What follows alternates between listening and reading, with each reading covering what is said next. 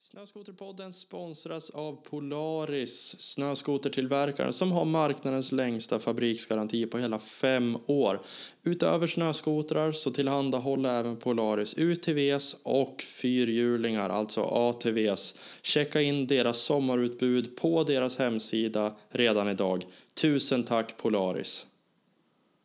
Snöskoterpodden är denna vecka sponsrad av Fågelsta, släpvagnstillverkaren som håller till i Jönköping. De står för svensk välbyggd kvalitet. Fågelsta ser släpet som ett hantverk och har alltid gjort i deras 80-åriga historia.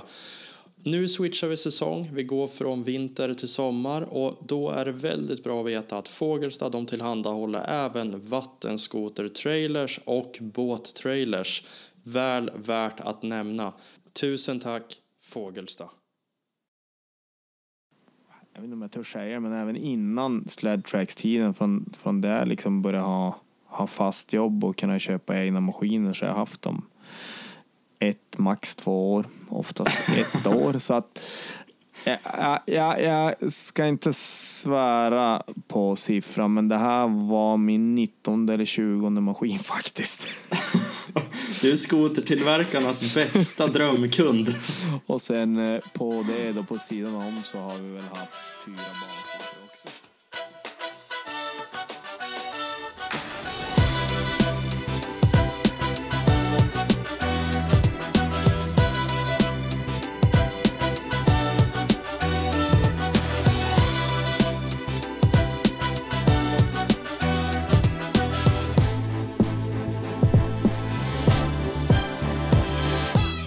Hej allihop och varmt, varmt välkomna ska ni vara till avsnitt nummer 47 av Snöskoterpodden. Idag är det lite extra högtidligt faktiskt. Dels för att vi har en högintressant gäst, men också för att det här blir mitt sista intervjuavsnitt i Snöskoterpoddens historia. Det är inte mitt sista avsnitt, men det är mitt sista intervjuavsnitt. I dagens avsnitt så ska ni som sagt få lära känna en riktigt intressant person. Han är ett välkänt ansikte i skoterbranschen efter sina fyra år som skribent på Sledtracks. Men innan det så har han hela 20 års erfarenhet som bland annat säljare, hantverkare, butiksbeträde, butikschef, skotergalning, ja, ni fattar grejen. Mannen jag pratar om heter Jörgen Valdemarsson och den här vintern har han levt ut sin dröm och hoppar rakt in i skoterbranschen som heltidsanställd säljare på Sledtracks. Jörgen är dessutom den person som till hösten kommer ta över rodret och styra skutan på det stora fartyget som kallas Snöskoterpodden. Jörgen Valdemarsson, sjukt kul att ha dig här. Varmt välkommen till ditt alldeles egna avsnitt av Snöskoterpodden. Tack så mycket Erik. Det var värmande och eh, smickrande ord du drog där. Tycker du det? Ja, absolut.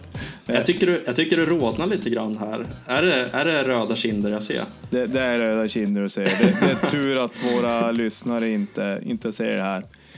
Exakt. Det enda jag funderar på är ju de där 20 åren du får ihop. Det, det, jag får inte ihop den matematiken riktigt, men, men kanske är så gammal. Ja, vi behöver inte, vi behöver inte gå in och djupare i det. Du Jörgen, hur är läget? Vi spelar in det här i maj månad. Eh, det är jättebra. Jag har just kommit hem från min sista skotersväng den här säsongen. Håller på att ladda om inför Sledtracks Summer Edition. Ska snart börja köra vattenskoter och andra trevliga sommar, eh, sommarfordon helt enkelt. Så att det känns bra. Det känns riktigt bra. Det har varit en lång och givande vinter med väldigt, väldigt mycket intryck. Både min nya yrkesroll och eh, som skribent på Sledtracks. Så att det, det är riktigt bra måste jag säga.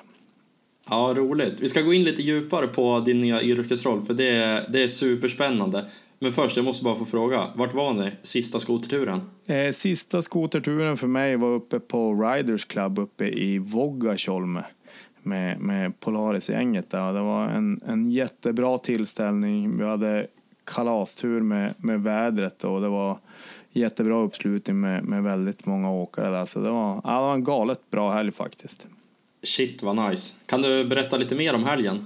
Eh, absolut. Vi, vi, jag smygstartade redan på torsdag. Den offentliga drog igång på fredag.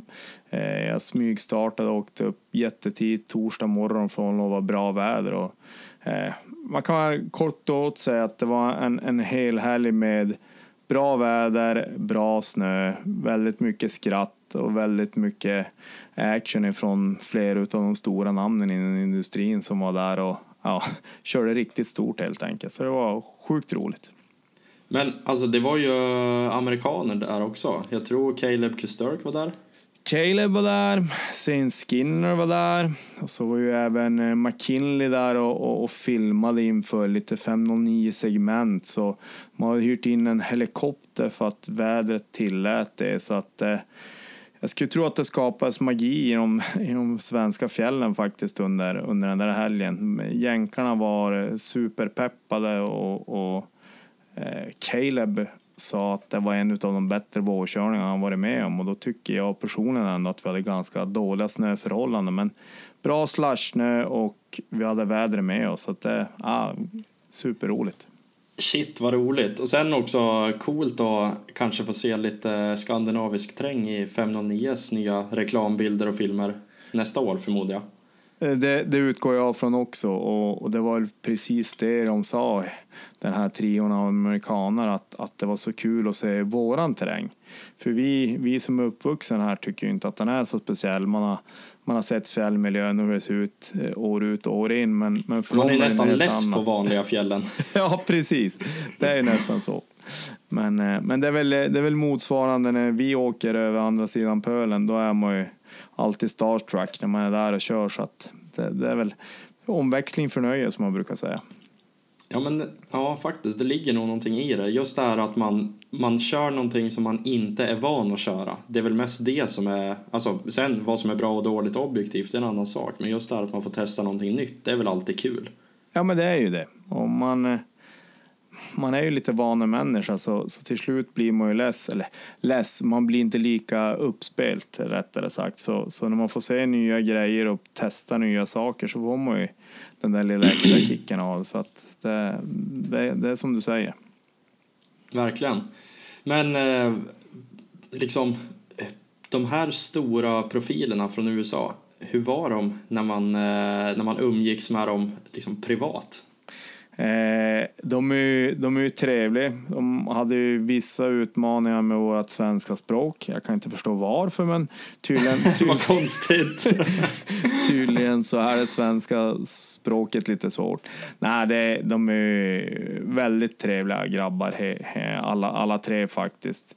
Sejen är väl den som kanske är mest utåtagerande och, och bjuder mest på sig själv, men, men alla, alla tre var var väldigt trevliga och det framförallt roligt att se dem bak i, bak i styret. Eh, den som fortfarande hade mest körsug måste jag säga var Caleb. Och, ah, det var imponerande. Vilken fysik och, och uthållighet när han körde. Inte två eller tre hoppår och sen sätta sig och vila utan han köttade verkligen på länge mm. innan han tar paus. Så att, ah, det, var, det var jäkligt roligt.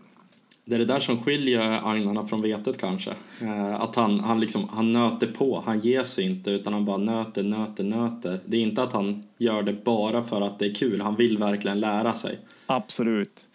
Och sen så, så sa han det när vi stod och pratade att det är som att han själv har fått en turbo när han är nere och kör på så låg höjd. För de är ju aldrig att köra på så låg höjd eh, som, som vi har här i våra svenska fjällvärld. Så han, Nej, här, han var inte... I Sverige har man ju faktiskt fulla hästkrafter eh, i princip. Precis, och det, det var också någonting alla tre poängterade att shit vad bra skotrarna går här. Ja, ja visst, ja, det är en jäkla skillnad. Men så där är det ju också när vi åker över till, eh, till USA eller Kanada, då är det ju åt andra hållet. Då upplever man ju att shit, en 850 går som en 600, liksom, den lyfter inte skidorna riktigt och det känns liksom lite trött. Ja, absolut. Det är det. Vi, vi var ju över på eh, snowshooten här i, i slutet av februari, början av mars och körde alla 2024 och det är ju jättestor skillnad på, på motoreffekten där kontra vad vi är van. Så vi är lite mm. bortskämda här.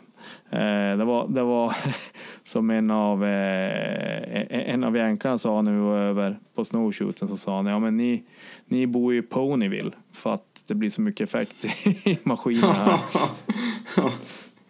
ja, ja, det ligger någonting i det. Ja, det. Men, men du, eh, Jörgen, jag är supernyfiken på, på dig som person. Så innan vi kommer in på allt som, alltså vi har så mycket intressant att prata om. Vi har liksom den här vintern, vi har din nya yrkesroll, liksom hur du tänker om framtiden och så vidare och så vidare. Men innan, helt ärligt, jag vet ingenting om dig. Jag vet typ inte vart du bor så att vi måste bara reda ut allting en gång för alla. Vi börjar från början. Vart är du född någonstans?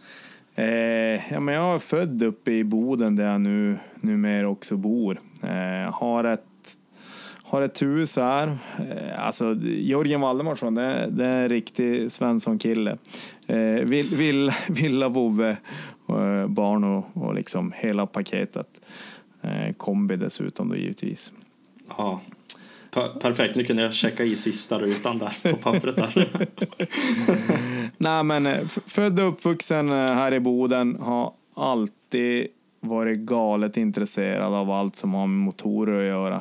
Eh, har två, två föräldrar som inte alls har varit intresserade av motorer så att jag har väl alltid försökt tjata och få prova kompisars mopeder, krossar, skotrar och så vidare.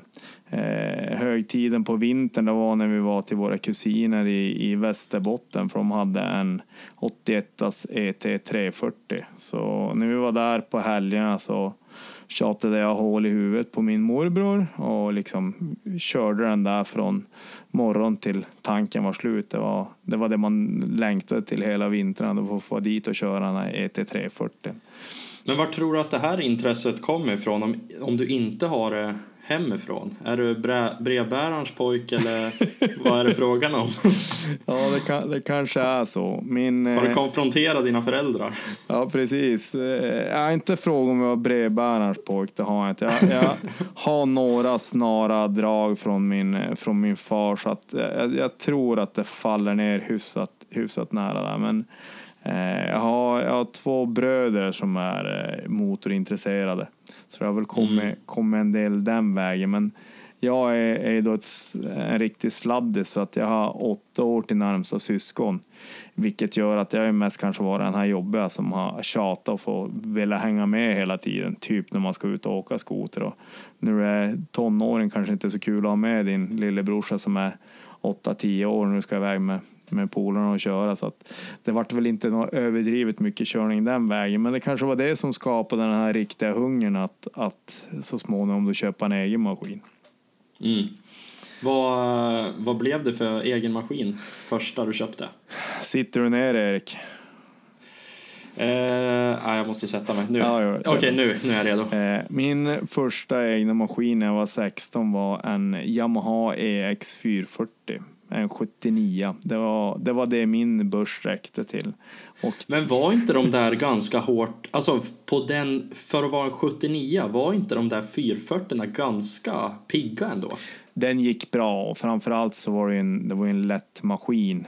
Eh, ja. Däremot så trodde jag att jag var första generationen av Sledneck så att den var ju mer, den var ju mer svetslagande än vad chassit i sig höll ihop skotern. Så, ja. så, så det var väl kanske inte, kanske inte riktigt rätt maskin att prova att hoppa och allt man då gjorde med de där. Det var både, ja, både, både matta och bogey och skidor och styren som, som gick sönder på de där. Men... Lagar du själv då eller var du tvungen att be dina föräldrar om, om hjälp? Jag var tvungen att, att be om hjälp. Det man kunde fixa själv gjorde man ju själv men, men jag var ju ingen svetsare och liksom hade inte tillgång till sådana prylar. Och sen när det var dags att byta matta, ja då var det bara att komma med kepsen under armen och, och be så hemskt mycket om ursäkt och ha med alla polare som intygade att ja, men han gjorde faktiskt inte något dumt denna gången i alla fall. Så, mm. så det, men, men, men absolut, de äldre skotrarna man hade i början av karriären var ju väldigt ofta trasig. Ja, men det är väl lite fostrande också att faktiskt köra sönder lära sig hantera det. Antingen så får man jobba, jobba ihop pengar och kunna köpa en ny del eller att man helt enkelt lagar, man frågar folk, man ber om hjälp. Alltså, nej, jag tycker ändå att det, det är någonting bra och fostrande i det. Absolut, och, och på, alltså på den tiden och, och ja, under kommande 15 år, då höll man ju aktivt på att skruva och, och modifiera skotrarna allt eftersom. Så man hade ju jäkligt bra koll på prylarna och, och visste, ju, visste ju vad som hände. Eh, ja, det, det, mm. det, det är fostran och det är, roligt att, det är roligt att ha koll på maskinerna. Det, det är ju det. Ja, men eh, verkligen. Men allt sammantaget, skulle du säga att du hade en, en bra och givande, givande uppväxt i Boden? Jag har haft en bra och givande uppväxt i Boden. Eh, jag har varit ute och härjat så länge jag minns. Har jag inte varit med eh, Bob och byggt hopp så har man varit ute med cykel och hållit på att hoppa med polare. Vi var på ett sånt här nybyggarkvarter bodde så jag hade väldigt många barn som var i samma ålder som mig. Så att det, det har varit bra och har varit nära ut till naturen så man har, har kommit ut också den vägen. Så att, eh, jag har haft en absolut en bra uppväxt, det måste jag säga. Höll du på med några sporter? Ja, jag är inte riktigt sportkille. Jag har hållit på med basket i perioder och sen på gymnasiet så började jag lira innebandy. Eh, det, det är väl det. Jag, jag gjorde något nå halv halvdant försök att börja spela fotboll också mer för att alla kompisar gjorde det. Men det var, det var aldrig någonting jag riktigt eh, brann för. Det, det var kul att hänga med kompisar givetvis men, men, men idrotten som sådan var väl ingenting som drev mig egentligen. Utan mina tankar har nog mest varit till ja, men typ cyklar, krossar, skoter och så vidare. Det är det jag alltid har drömt om att få, få hålla på med ända sedan, ända sedan barnsben. Men det har hänt ganska mycket med, vad ska man säga, med samhället och de ekonomiska förutsättningarna. Så att generationen som kommer upp nu idag har väl betydligt eh, lättare att få, få prova sådana grejer än vad jag och mina kompisar hade möjlighet till i alla fall. Verkligen. Jag tror, jag tror vi är lite, lite lika där. Jag känner igen mig, mig själv i dig. Man, liksom, man höll på med, med ganska många olika sporter och man testade men när man rannsakade sig själv, det var nog inte för att man tyckte det var roligt egentligen utan det var mer typ kompisarna höll på som man själv ville också vara med men egentligen så var det så här man gillar att cykla, man gillar att åka crossmoppe, eh, skoter, alltså de där grejerna man har liksom motorgenen i sig. Ja, ja men det, det är så. Den, är, den känns som att den är svår att, att tvätta bort och nu, eh, nu har vi två barn som jag var inne på tidigare och de, och de är ju uppvuxen från, från bebisstadiet och de har ju varit med ute i pulkan så att jag hoppas ju att arvet går vidare, att, att vi kan fortsätta och, och, och förvalta det här och vara ute hela familjen även när de börjar bli lite äldre. Det är det, är det som är målsättningen på, på liksom sikt, att även när de blir vuxna och köper egna maskiner, att man får ut fortfarande som familj och har roligt tillsammans. Det är, något, ja. det är något jag gärna hade gjort med mina föräldrar när jag var i den åldern, om de hade haft intresse för men får se om, om, om den här generationen kanske lyckas. Jag skulle tro det. Om du, om du har haft dem i, i skoterpulka hela livet då, då kommer de också få den där genen. Man skakar liv i den. Ja, eh, jag, jag har faktiskt just släppt sista artikeln om min långtestmaskin och, och jag nämnde där i den att antingen så kommer de vara fast i det här livet för evigt eller så kommer de att slå bakut när de blir tonåringar och aldrig mer vilja få ut på fjället. Så vi får, vi får se åt vilket håll det går. Ja, det är 50 procent chans. Precis. Ja, men eh, sen då när du, när du växte upp, eh, när du blev lite större, det började bli dags för lite skolval. Det, säg att du gick på högstadiet. Hur, hur gick tankarna när det började bli dags för välja gymnasium? Ja, men då gick tankarna så här. Jag har ju jag är ju ingen akademiskt lagd kille och det här med skola var ingenting jag tyckte var så jätteroligt. Själva alltså skolgången. Det var jättekul att vara och träffa kompisar och hänga med polare men Eh, jag har inte gillat att plugga speciellt mycket så att jag tänkte att barn kommer alltid finnas. Jag gillade och jag hade varit och praktiserat massa på olika dagis på den tiden och, och tyckte det var ganska kul. Så jag, jag, tänkte att barn och fritid, det blir bra för mig. Eh, där kommer det finnas jobb i framtiden och, och man får ut och röra på sig och, och, ha, ha roligt på dagarna. Så det var så jag tänkte när jag gick i högstadiet. Det är ju några år sedan, men, men det var så tankarna gick då i alla fall. Mm. Och var det det du valde också sen? Det var det sedermera jag valde också. Eh, och jag jobbade lite grann extra eh, under gymnasietiden för jag, jag, fick egen lägenhet ganska tidigt. När jag gick andra året på gymnasiet flyttade jag hemifrån och, och har bott själv sedan dess. Så, att, så liksom för att få ekonomin och så att gå ihop så ja, men jobbar man extra mot, mot dagis och olika vårdalternativ. Då, och, och, men det som den delen det har blivit. Sen när jag slutade skolan och, och direkt efter lumpen då hamnade jag i, i, i dagligvaruhandeln istället på, på butik och där blev jag nästan i, ja, om det var nio eller tio år. Innan, Oj! Ja, det har varit länge. Börja... Var det för att du trivdes eller var det bara, eller bara blev det? Alltså, eller ja, det är klart du trivdes. Du lär inte ha mått dåligt om du var där i tio år. Kanske. Nej, men... nej precis. Men, men tanken var så här, som, som många andra. Ja, men jag, ska bli, jag kommer vara här en liten stund till hitta något annat. Så tänkte jag när jag fick jobbet, för då ska jag börja sitta i, i kassalinjen. Då. Men eh, det var ganska trevligt. Det hände mycket. Det var mycket folk i rörelse, mycket fart. Så att jag avancerade där och han var i, i skärken i hans då stycke jag var kolonialchef och sedermera jobbade liksom med personalansvar. Och det hände mycket, mycket aktivitet och mycket fart så att jag, jag trivdes skitbra inom, inom handeln faktiskt. Jag kan, mm. jag, jag, kan sakna den ibland för det är mycket fart och mycket fläkt så det, det är roligt. Jag gillar när det är mycket fart och fläkt och trivs mm. jag som bäst. Men det händer ju saker hela tiden. Du kan göra massa olika saker när du vill. Alltså du, du är inte låst till att du måste göra en specifik syssla hela tiden. I alla fall inte om man är ett, ett team, kan jag tänka mig. Det borde ju alltid finnas här, det kommer någon pall med, med mjölk, då lastar man in det. Eller man ska sortera någonting, man ska inventera, man ska stå i kassan, det är skärk. Alltså, Precis. Det finns ju tusen saker att göra. Det finns en, en oändlig variation och, och redan där någonstans så börjar det som att smakar rätt bra på mina, vad ska jag säga, försäljningsgener. Jag älskade att stå i skärken och så när, när det kom en kund som skulle ha ett paket skinka så slutade det med att man krängde på lite korv och så krängde du på lite ost. Och, ja, man hänger med. Den här med försäljningen, mm. det, var, det var ju svinroligt att chitchatta med, med folk och liksom få dem tycka att man var trevlig, sälja lite mer grejer. Det var, det var ganska ja. kul faktiskt. Jag, kan tänka mig att där börjar du säkert experimentera lite grann också. Så här, vad funkar, vad funkar inte? Hur ska, jag, hur ska jag lägga fram det för att de ska vilja köpa? Precis, och hur, hur är personen? hur ska man spegla? Ja, nej, det, är, det är mycket psykologi i det där faktiskt. Det är ju det.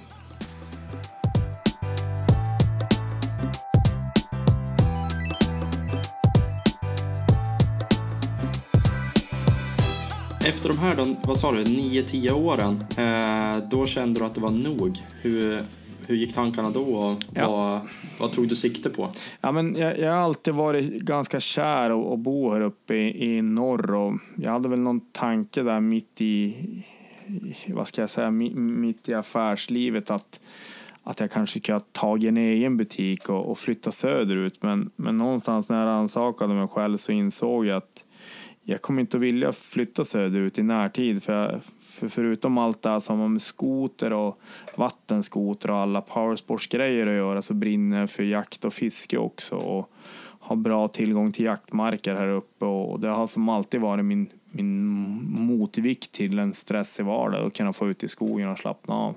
Eh, och, och även där i sluttampen när jag var eh, på butiken så kände jag också att ja, men snart så börjar vi vara i fas att vi vill ha hus, vi vill ha barn och jag har när det kommer till ett hus så har jag tummen mitt i handen. Jag måste lära mig någonting. Vilken väg ska jag gå? Ja, men jag börjar jobba mot hantverk. Då kanske jag kan lära mig några grunder så att jag åtminstone kan ta hand om mitt hus den dagen jag köper det. Så därför var det faktiskt vändningen dit. Vänta nu, så att det var inte att du var liksom, du var väldigt praktiskt lagd och väldigt duktig och därför började du jobba som hantverkare utan det var för att du ville bli duktig? Helt rätt. Jag var, jag ja, hade, roligt. Jag hade tummen mitt i handen, kunde säkert många av mina kompisar säga, men jag hade det mentala drivet och konstaterade att det är dags. Jag måste liksom ta tag i det. Jag måste kunna lära mig att sköta ett hus. Det var det som var min målbild då. Liksom. Jag vill kunna ta hand om mitt eget hus. Shit, så, vad så, roligt. Sjukt bra mindset. så, så därför pendlade jag över mot, mot hantverksbranschen. Eh, och, och det, har varit, det har varit jättekul och det var jättegivande. Nu, ja, nu har vi, vi har, vi har bott i vårt nuvarande hus i, i 11 års tid och det är renoverat nästan från topp till tå av, av mig och min fru. Då, så att någonting bra vart utav det i alla fall. Ja, ja sjukt roligt. Men drivs du av Drivs du av att bli bättre och förbättra dig själv? Ja, liksom triggas av det? Ja, ja, absolut. Det är ju alltid från, jag menar, alltid från jobb till träning till jakt till köra skoter, alltså allt. Eh, det, det, det är ju drivkraften. Alltså, du gillar strävan. att vara, vara dålig på saker, men att bli bättre. jag säger inte att jag gillar att vara dålig på saker, men jag gillar att ha en målbild och förbättras och sträva ja. efter någonting. Det, ja, sjukt bra mindset. Det är ju, ja, men för enkelhetens skull, det är inte alltid så jättekul att, att få iväg på gymmet sex på morgonen. Men jag vet att hur det då än är, fast jag inte tror det, så jag passerat 40 år och ska min kropp hålla, ja men då måste jag träna och hålla igång för att jag älskar att vara ute i naturen, jag älskar att köra skoter och allt vad som har med det att göra. Så att då är det liksom, då är det bara att lägga manken till och, och stay focused, hålla, mm. hålla linjen. Hur många år jobbade du som hantverkare? Ja, han var på det bolaget i, i sju eller åtta år och där huvudfokus var egentligen att förädla betonggolv. Man, man slipar och polerar betonggolv som blir högblanka och liknar nästan marmor. Det finns olika tekniker, du kan köra lite mer rough stil också men, men som regel så gör man dem väldigt blank så att de blir nästan lite marmorinspirerade golv. Och det, det höll jag på med ja, sju, åtta år. Jag höll även på med en del undergjutningar och generellt med gjutningar, men jobbade mest mot betong och någonstans så kände jag att jag började ha rätt bra koll på det. Det var, det var fortfarande ett väldigt bra jobb och det var en jättebra arbetsgivare, men, men den här utmaningen i vardagen hade försvunnit sedan sen några år och, och, barnen hade börjat bli lite större, så jag, jag kände att det fanns utrymme för att för att ta, ta nästa utmaning vid hornen och, och, då sökte jag då jobb på på Hilti som, som resande säljare, som account manager. Och där, Hur trivdes du som det? Ja, jag trivdes ju jättebra. Eh, där hann jag vara i, i fem års tid och det, det jag sa där var att jag kommer aldrig att byta så länge som jag inte får en möjlighet jag inte kan tacka nej till. Eh, på Hilti så, så ja men det var ju som en nästa steg i hantverksbiten för vi är fortfarande ute på byggen du hjälper kunder med problemlösningar. Men där kan du snacka allt, med allt ifrån Pelle som är enmansföretagare till Christer som har hundra anställda. Så att du, där kommer den här psykologin in som vi pratade om tidigare igen. Att du måste arbeta på lite olika sätt beroende på vad det är för typ av kund du har att göra med. Mm. Ehm, och alla är lika viktig. Det är, absolut. Liksom, eh, absolut. Det, är så här, det är bara olika sätt att ta människor. Absolut. Absolut, och det är samma när du går in på företaget som har hundra anställda. Ja, men för guds skull, gå inte bara förbi eh, karln eller kvinnan som sitter i reception utan liksom presentera även där och precis som du säger, alla är lika viktiga. Men eh, där, då, där jobbar du också ganska länge. Det var över fem år också, jag för mig att du har berättat tidigare. Ja, men precis. Det, det blev fem år och även där fick jag gå massa utbildningar och fick ta, ta lite olika steg då inom Hilti. Hilti är ett, ett globalt företag som har väldigt bra företagspolicy och, och ja, väldigt bra arbetsgivare med oändligt med möjligheter om, om du som arbetare bara vill och ta dem och, och prestera. Mm. det, var, det var riktigt, riktigt roligt. Och någonstans även på den resan, så, eller ganska tidigt på Hilti-resan, så, så började jag åt sled tracks också. Jag var iväg, eller varit med erbjuden på en skotersväng där André Jonsson var, var med. Eh, jag hade sålt någon skoter åt en kompis till han för länge sedan så att vi, vi visste vilka varandra var så här lite, lite lätt. Hade surrat med varandra några gånger och, och, och hamnat på, en, ja, på den här skoterresan, då, eller skoterturen tillsammans. Och sen dröjde det bara någon månad så ringde André upp och frågade om, om det skulle vara intressant att börja, börja skriva för Sled Track. Så det var ja, det var ju då fyra år sedan ungefär. Så, mm. så tid, tiden går fort, man gör roligt, det hinner hända mycket. Verkligen. Jag, var det självklart då att tacka ja till det? Just då var det inte självklart för att då hade jag jobbat ungefär ett år på Hylte och var ju fortfarande rätt mycket nytt att lära sig den vägen där så att det, det var inte så att jag var på någon platå i mitt yrkesliv och behövde en ytterligare utmaning men men eh, jag triggas ju av sånt där och, och, tycker att det är kul med utmaningar och, och, och prova mm. nya saker. Och sen så var det ju även en, en ingång till att få, få hålla på med någonting som man har älskat och, och, och drömt om hela sitt liv. Så att jag tänkte att det kan inte bli mer än fel. Funkar det inte så funkar det inte. Men Nej. det gick ju rätt bra även det faktiskt. Ja, men verkligen. Det, alltså, ni vart ju ett jäkla järngäng där och det, ja. Mattias tog över och det vart liksom det vart ju verkligen ett uppsving för, för Sledtracks. Eh, ni har ju haft en, eh, enligt mig, spikrak resa uppåt. Det är liksom större och större event varje år, fler och fler läsare, nya samarbeten, fler skribenter, liksom eh, riktigt häftiga resor. Hur, hur skulle du sammanfatta de åren som, som skribent?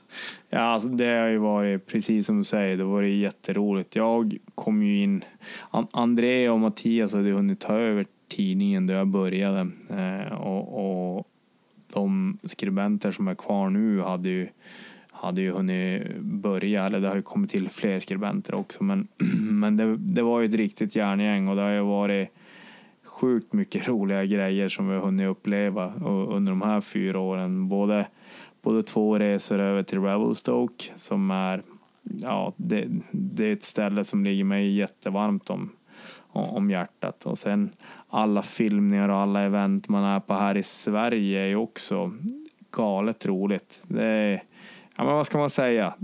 Sätt, sätt sju stycken likasinnade i en bur och så kastar ut något roligt till dem och ser vad som händer ungefär. Det, mm. det, det, det kan inte bli fel. Nej, nej men verkligen. Alltså, ja, exakt. Det är ju, alla har samma intresse, alla vill samma sak, alla vill ha roligt. Alltså, ja, det är klart som tusan det blir roligt. Så det där lilla extra uppdraget som du tog på dig där för fyra år sedan, jäklar vad det har gett ringar på vattnet och generera bra saker i ditt liv. Absolut, det har jag gjort och, och jag har ju alltid sålt in det här hemma som att det här är någonting vi går in med hela familjen för jag involverar ju verkligen hela familjen och det har jag gjort från dag ett. Allt ifrån, ja men ni som läser har, har ju sett i alla reportage, det, det har mycket bilder med från min familj också. Det är liksom för att innan jag tackade jag så hade vi ett, som, vad ska jag säga, familjeråd där vi satt och pratade och kom överens om att det här är värt att prova och satsa på.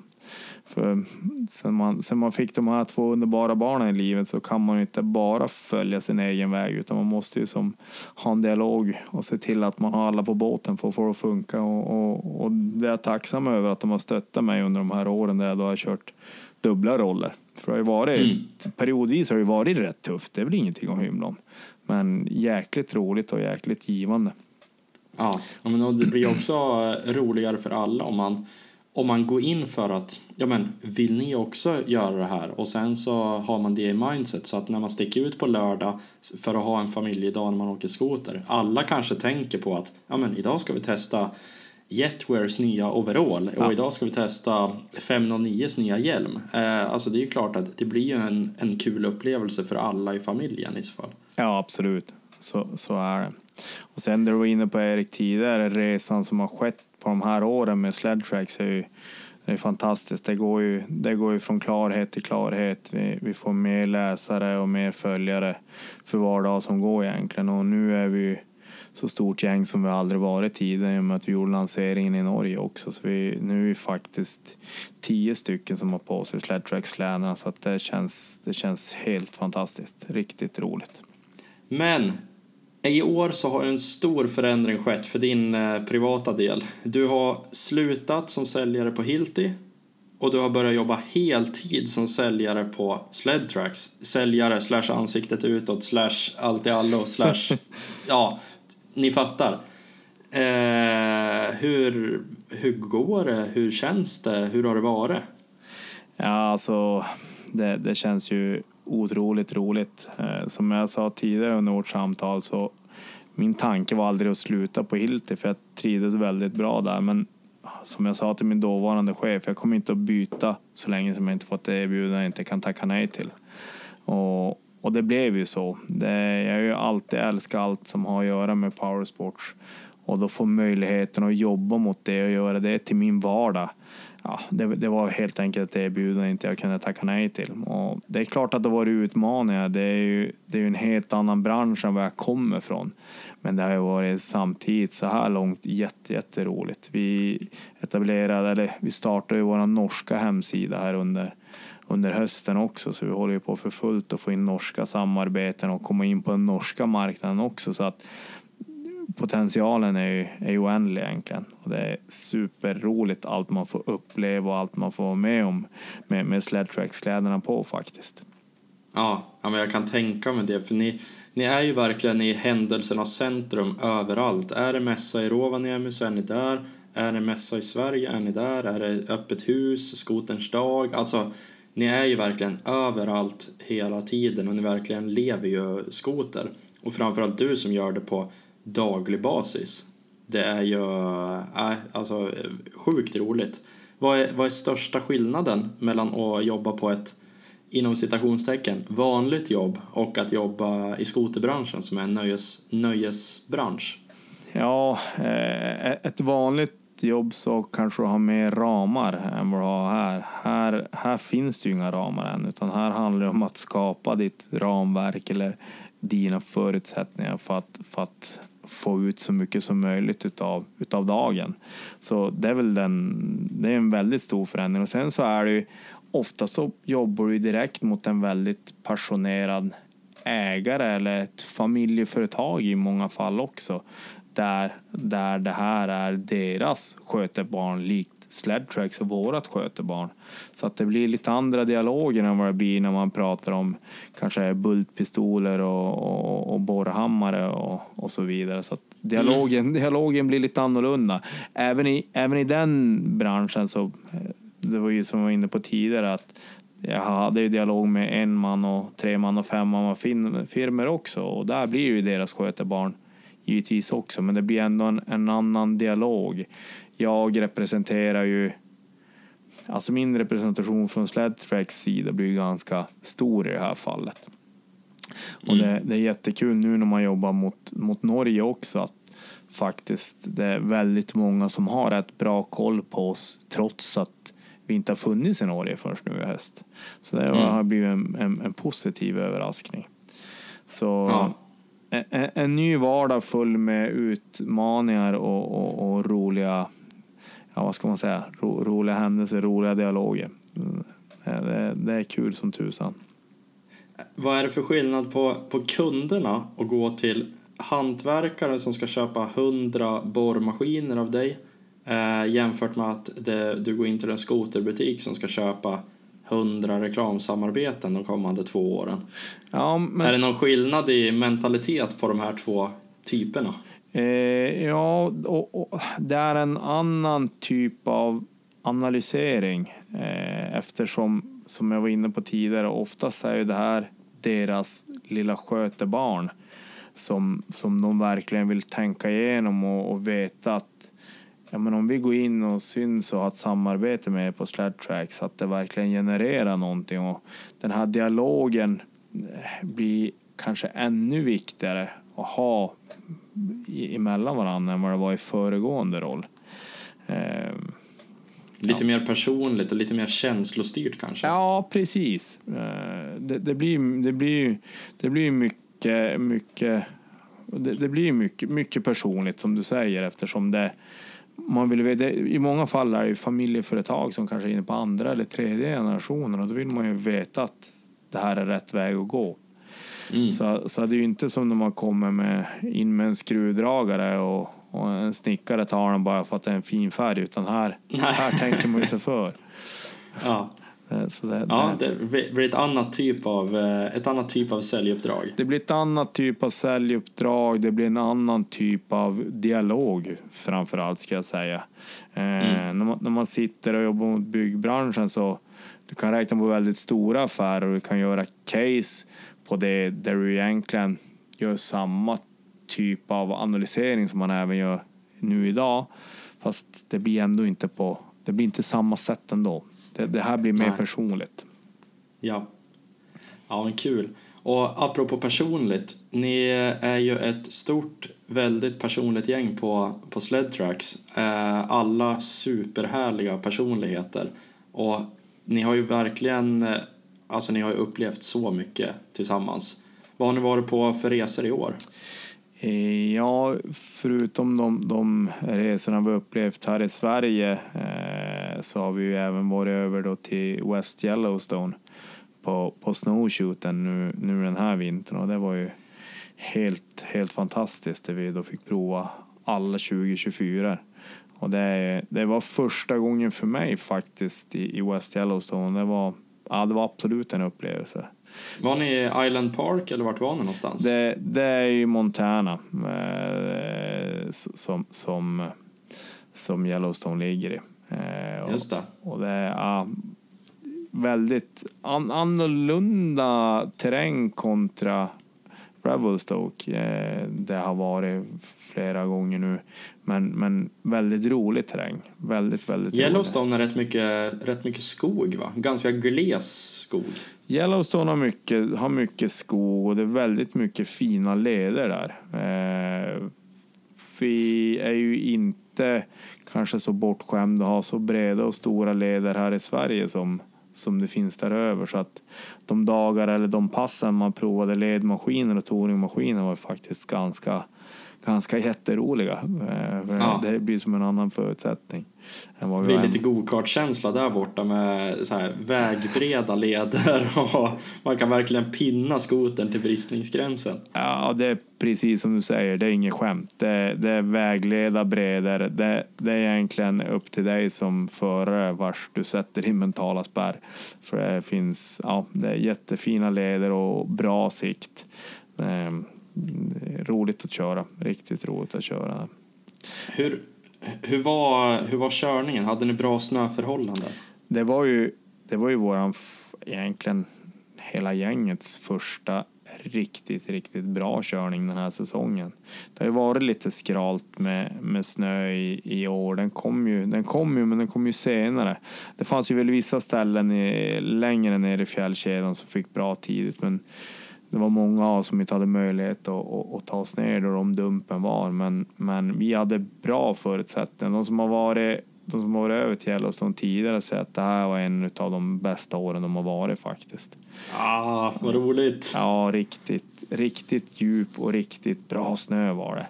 På sista dagen då, då hade vi dessutom stor sol hela förmiddagen och ja, växlande allt ifrån 80 till 120 centimeter, alltså råpuder. Och sen en bas, Dröm. en bas på det på tre meter under ungefär. Så att det är, det är helt, helt fantastiskt. Helt otrolig resa faktiskt. Vad, vad ska man tänka på om man, vill, eh, om man vill som glad amatör åka till USA eller Kanada och köra skoter? Ja, innan jag började med sled track så har jag själv varit över till Revelstoke två gånger och kört precis som du säger som glad amatör.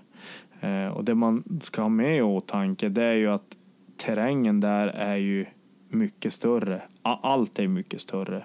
Träden är mycket större. Det är mycket, mycket mer snö.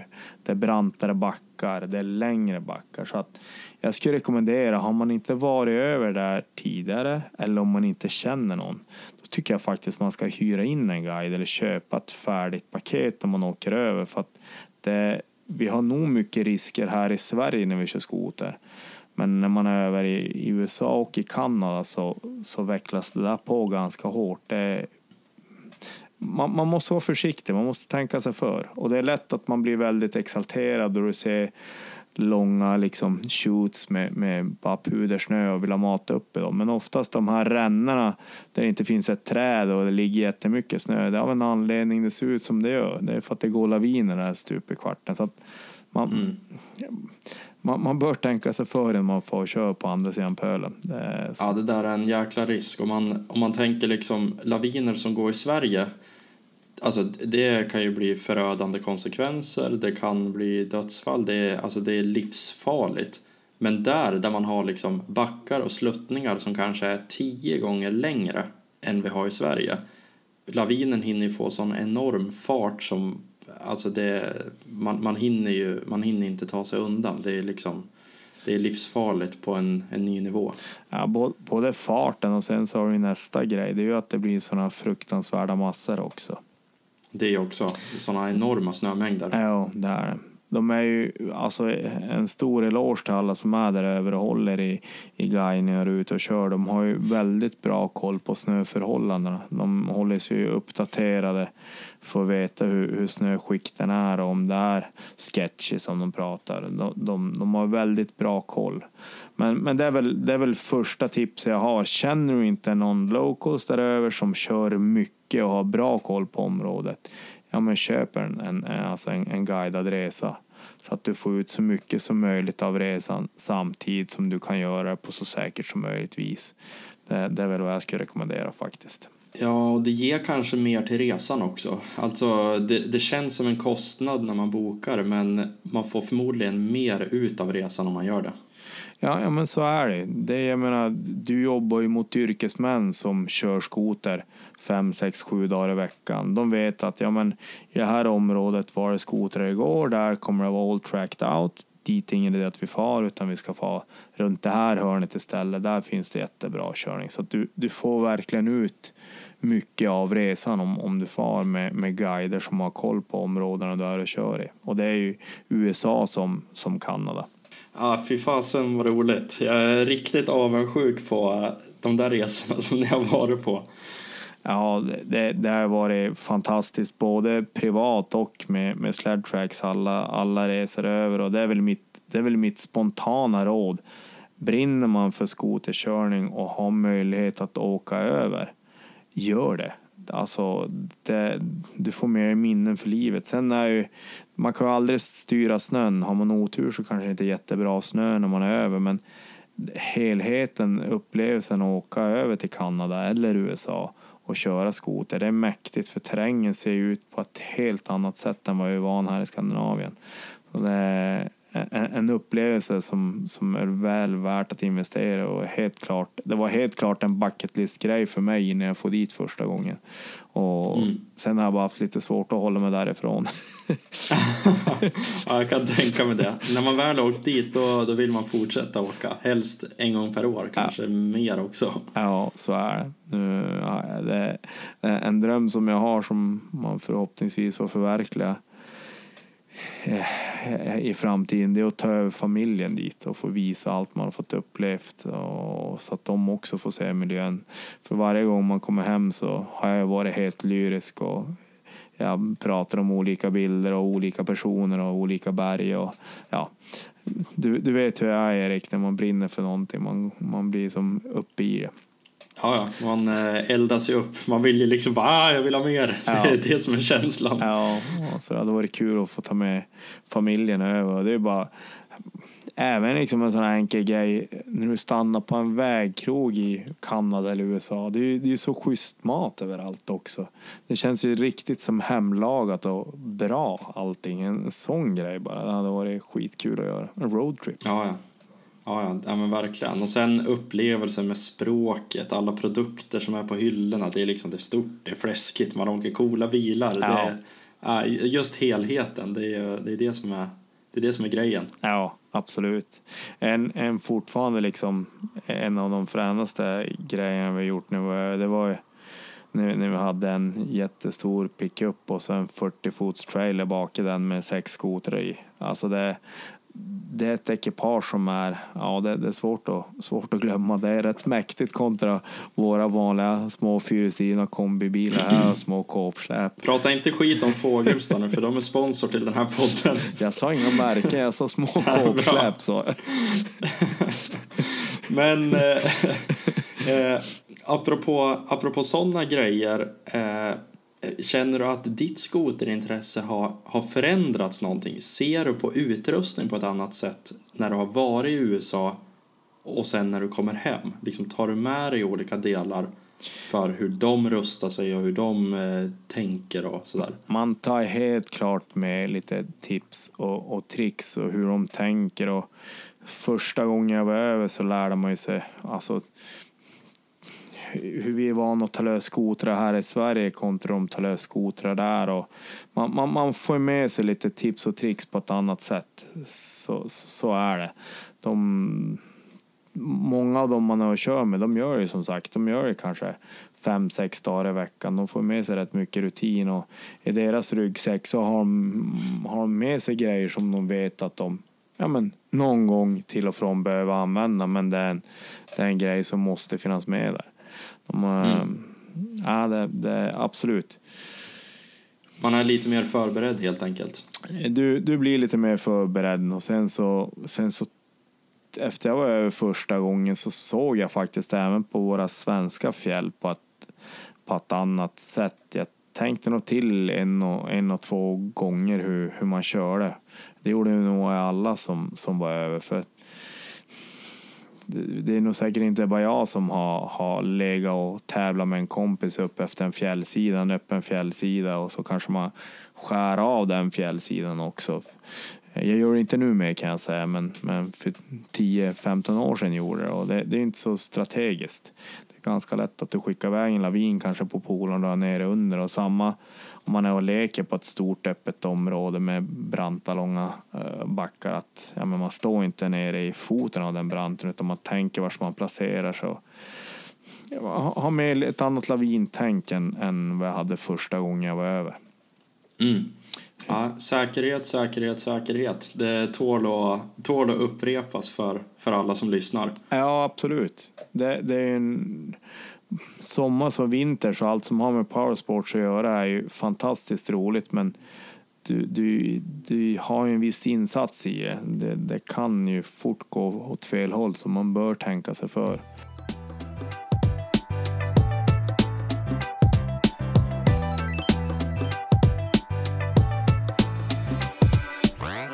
Ni på Sledtracks är ju som sagt ett riktigt järngäng. Ni åker på resor, ni skriver artiklar, det händer saker hela tiden, ni växer som tusan. Utöver det så anordnar ni även event, alltså event för vanliga privatpersoner. Kan du berätta lite grann om eh, senaste eventet ni hade uppe i Gautosjö? Ja men absolut, det var ju Sledtracks photoshoot. Och det är ju det är ju en tillställning även det som, som ofta blir väldigt mycket skratt och väldigt mycket upplevelser. Det är de som har varit... Jag intygar kan jag säga, för jag har varit där. ja, du har ju varit med oss Erik och, oftast de som har börjat komma med de, de kommer åter.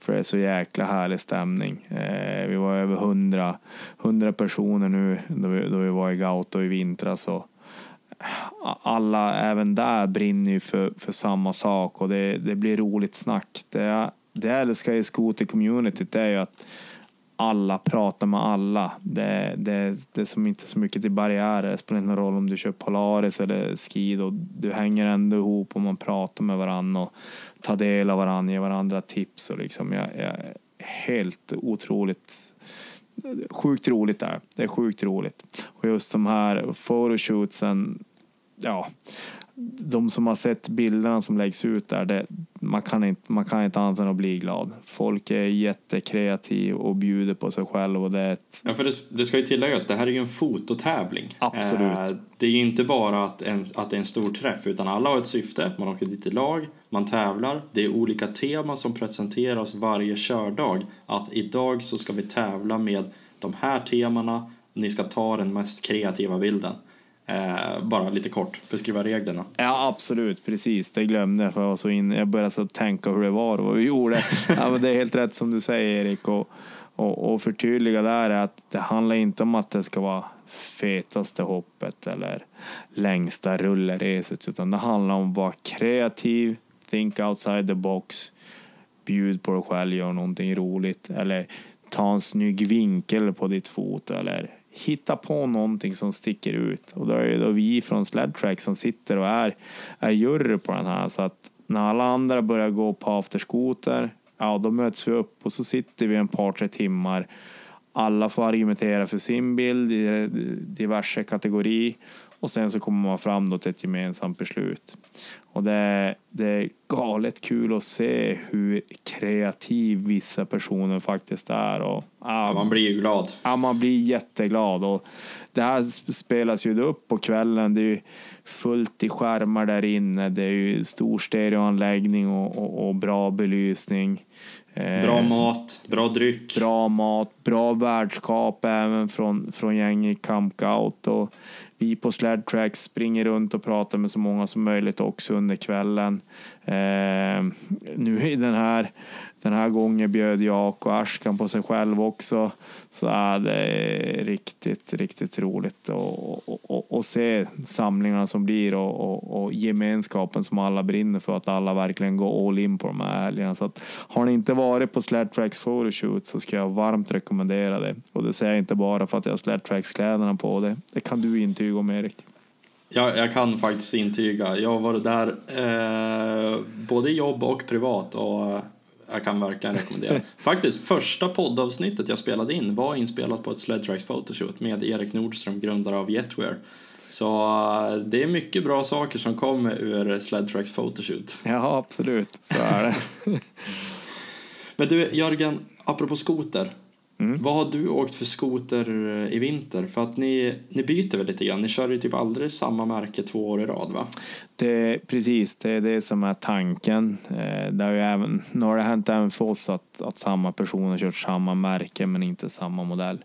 I, I år så har jag kört en Polaris 9R i 146 utförande.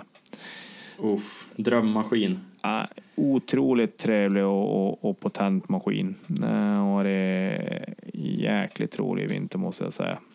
Kan vi få ett ärligt utlåtande om den maskinen? Är den så bra som det sägs? Du, du har en helt annan motorgång än vad du har i 850. Eh, men kan det vara så stor skillnad? Ja, men man, precis. Man kan ju tänka det. Kan det vara så stor skillnad? Men den är byggd på ett lite annat sätt. Du har bottendelen från 650. Den är otroligt gassnabb. Den är väldigt, väldigt rapp och den har helt annan mellanregister än vad, än vad 850 har. Trots att 850 är väldigt bra så har 9 ett helt annat mellanregister. Men är den, liksom, den är snärtigare, ja. skarpare och samtidigt starkare? Den, den, är, den är snärtigare, starkare och den blir inte den är inte lika känslig på varven heller eftersom du har mer ork i maskinen. För annars, jag menar, ena helgen är man kanske nere och kör i, i, i, nere i kusten och nästa helg är man och kör upp i fjällen på 1200 meters höjd. Det, även i våra svenska miljöer så påverkar det motoreffekten. Men, men den, är, den är inte lika känslig 9 och det är ju för att det, det är liksom så pass bra drag i motorn helt enkelt. Mm, jag förstår. Men av alla skotrar som, som du har kört, vilken är favoriten hittills? Oj, du får inte säga så där Erik, för jag säger varje år den här, alltså varje år den här årstiden som vi sitter på nu så säger jag ja, om jag ändå kunde köra den här nästa år också. Och det har jag nu sagt i, i, i de fyra år jag varit på sled track. För det dröjer en stund innan du kommer in i en. Man tonar alltid lite i variatorer. Du ställer in dämparna för form som du vill. Och någonstans där på våren bara, nu, den här maskinen är on, on, on point nu. Och då hade man gärna velat prova nästa års pudersäsong med Men det blir ju aldrig så eftersom jag håller på med det jag gör. Så att, så att, ja. Och det är kanske det som är roligt också. Att, Verkligen. Att man, det blir något nytt hela tiden. Det blir något nytt hela tiden och man byter när man fortfarande är så lite äggad och egentligen vill ha kvar. Det, det, det är nog en bra grej. Det är ju att den här hungern hela tiden finns. Alltså en sak som jag har tänkt på. Hur många skotrar har du haft egentligen? För att ni, ja, dels på Sledtracks, ni byter hela tiden men du har haft ett skoterintresse sedan du var typ 10-15 eller vad du sa i början av avsnittet. Hur många har du avverkat genom åren? Oj, Erik, jag vet inte, jag vet inte om jag ens törs, törs räkna på det, men det, det har blivit ganska många här nu på Sledtrack sista åren. Sen, jag vet inte om jag törs säga men även innan Sledtracks-tiden, från, från där liksom började ha, ha fast jobb och kunna köpa egna maskiner så jag har haft dem ett, max två år, oftast ett år. Så att jag, jag, jag ska inte svära på siffran, men det här var min 19 eller 20 maskin faktiskt. Du är skotertillverkarnas bästa drömkund. Och sen eh, på det då på sidan om så har vi väl haft fyra barnskotrar också. Ja, oh, shit.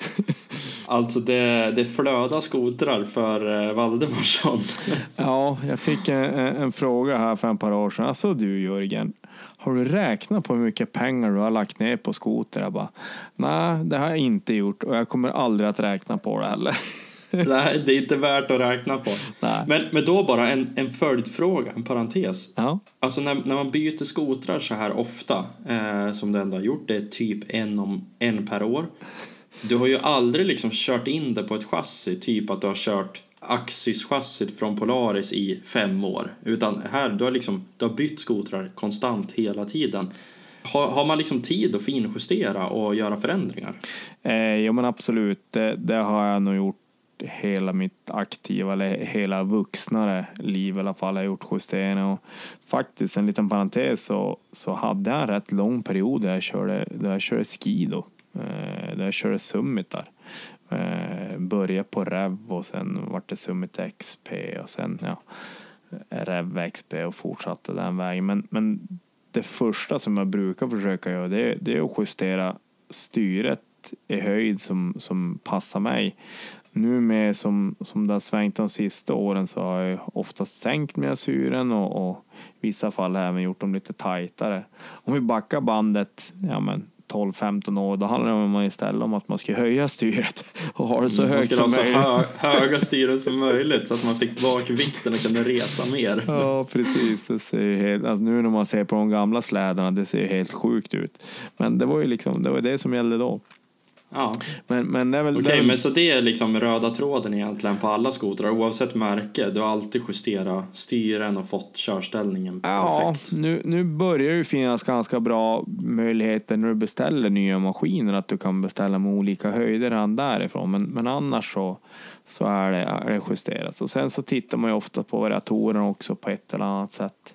Vissa maskiner är bytt matta på, men, men det, det det första kan man säga är väl egentligen Styra styr och styrposition och sen nästa del är väl att det kanske börjar smygkika lite på variatorer. Eh, vissa maskiner finns mycket ö på, vissa finns mindre ö på, men, men det, är väl, det är väl de grejer som är. Sen, sen skenar det ju alltid ändå. Vissa år så byter man ju mer eller mindre allt, men, men eh, det är väl den, det första jag börjar titta på i alla fall.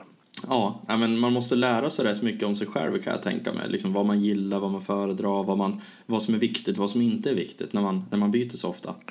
Ja, ja men så är det ju. Du, du, du måste ju fort bli kompis med, med din nya liksom, körpartner. Annars får du ingen rolig vinter. Och det är ju, det är ju faktiskt fördelen med med den branschen som jag jobbar med idag, det är att du får hoppa mellan väldigt mycket olika maskiner. Vilket gör att du fortare blir bekväm även när du byter din egen skoter. Det, det, det är inte som när man var, var junior och då satt du på samma maskin hela vintern. Nu hoppar man ju och provar olika modeller och olika körställningar och olika motorkaraktärer vilket är väldigt givande och väldigt intressant och jäkligt roligt givetvis också. Är det klart vad du ska köra för skoter nästa säsong? Alltså säsongen 23-24? Det är klart att det är det. Du vet ju hur den här branschen fungerar. Så beställningar är redan gjord. Det är redan börjat knåpat på både en och andra i huvudet. Men de som följer oss och de som läser, de kommer få se det i höst. Så att du kan inte ge en exklusiv förhandsvisning här vad du ska köra? Det, det, blir ingen exklusiv förhandsvisning i det här avsnittet Erik. Det jag däremot kan säga är att det kommer inte vara en Polaris som jag kört i år i alla fall. Spännande. Mm. Intressant. Men, men, har du, har, eller ja, förlåt. Ja, men jag tänkte säga nu när vi är inne på skoter. Eh, för, för de som inte vet, så du bor ju i en varmare del av världen nu. Hur funkar det för dig med skoterkörning, Erik?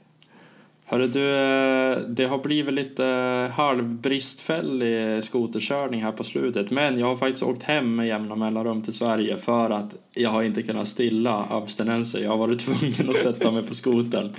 Så jag var hemma tio dagar i påsk, fick njuta av skoterkörning. Jag var hemma någon helg innan också. Så att, eh, men jag har ändå fått min beskärda del men visst fasen om man saknar skoterkörning. Jag, jag skulle ljuga om jag sa något annat.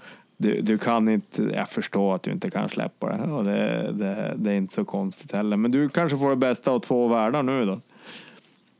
Ja men verkligen, absolut. Då kan man bo eh, i eh, varmt klimat och sen så kan man åka hem och köra skoter. Men alltså, ja, det är ändå inte samma sak som att bara så här, liksom dra på sig understället hemma i hallen och sen sticka rakt utanför dörren, ta på sig en overall, eh, ett par skoterkängor och en hjälm och sen köra direkt från gården. Alltså det är ju oslagbar känsla. Eh, det är ju liksom ett helt annat stök eh, som det är just nu. Men eh, eh alltså jag, jag, nu, det här är ju avsnitt nummer 47 och alla gäster jag har pratat med, det är ändå en hel del på de här fyra åren. Alltså, ja det går inte att sticka under stolen med att skoter är någonting speciellt. Det går inte att jämföra med någon, något annat fordon. Man får inte samma känsla av någonting annat. Uh, och det är en ärlig, uh, ärlig känsla liksom. Det, det är så det är. Sen sammanhållningen som är kring den här industrin, den, den ska jag, jag tror i alla fall att den är unik. Sammanhållningen är ju, är ju fantastisk faktiskt. Och alla, är, alla är så inkluderade om att peppa varandra och pusha varandra. Och, ja, det är otroligt roligt. Ja, det är en, en sjukt fin bransch, verkligen. Mm. Men Jörgen, nästa höst då eh, är det dags för dig att ta över taktpinnen på Snöskoterpodden. Det här är ju som sagt mitt sista intervjuavsnitt. Eh, jag kommer släppa ett till avsnitt, ett sista avsnitt, men det här är det sista intervjuavsnittet. Hur känns det för dig att ta över? Börja på ny kula, nya idéer, nya tankar eh, till hösten? Ja, det är, det är super, super spännande. Vi träffades ju under vintern i Umeå och, och tankarna har ju snurrat. Vad kan man göra? Hur kan vi få det här till Snöskoterpodden by Sled Tracks fortfarande behålla det arvet som du har drivit under de här snart 50 avsnitten men ändå få en tweakning som gör det till, till våran grej. Så att eh, eh, kreativiteten och idéerna sprutar för fullt och vi, både jag och, och övriga på Sled Tracks är verkligen superpeppade att få, få kalla det här Snöskoterpodden by Sled Tracks till, till hösten. Och kan redan säga nu att det kommer att vara flera intressanta avsnitt i början med, med, med stora och intressanta profiler så att det ska bli super, super roligt faktiskt. Ja, jag vet ju redan en del av gästerna och om man säger så här, det, det är värt att vänta på för det, det kommer bli, eh, jag tror faktiskt att Snöskoterpodden kommer kliva upp en nivå och eh, bli snäppet ännu mer intressant skulle jag säga. Det, det är givetvis vår målsättning. Vi, det är som jag sagt tidigare, vi, vi försöker ju att allt det vi gör gör vi inte halvlant utan vi, vi går all in och försöker göra så bra som möjligt vad vi, vad vi har möjlighet till. Eh, det kommer även bli lite mer avsnitt. Du har ju drivit det här på, på sidan om och släppt ett avsnitt i månaden, visst minns jag rätt då Erik? Exakt. Ja, tanken är att, att vi ska lyckas släppa då två avsnitt i månaden så att det kommer bli, kommer bli lite tätare mellan avsnitten också faktiskt. Så att, ja, det känns superspännande. Sjukt kul. Alltså jag ser verkligen fram emot att få lyssna på det här. Jag, jag tycker det ska bli så jäkla roligt. Och särskilt när jag vet en del av gästlistan också. Jag tror att det kommer bli så jäkla grymt alltså. Du får, du får ta och skicka meddelande och ge feedback vad, vad du tycker om vår förvaltning av, av ditt lilla skötarbarn. Det kommer jag verkligen göra. Det ska bli superroligt.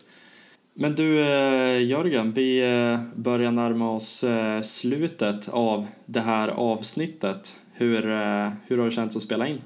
Ja, jätteroligt och jag ser på klockan att tiden har verkligen dragit iväg så, så det måste ju funka ganska bra, eller hur?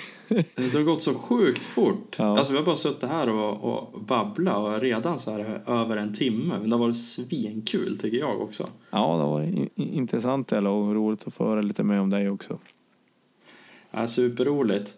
Om man skulle vilja komma i kontakt med dig Jörgen, hur gör man då?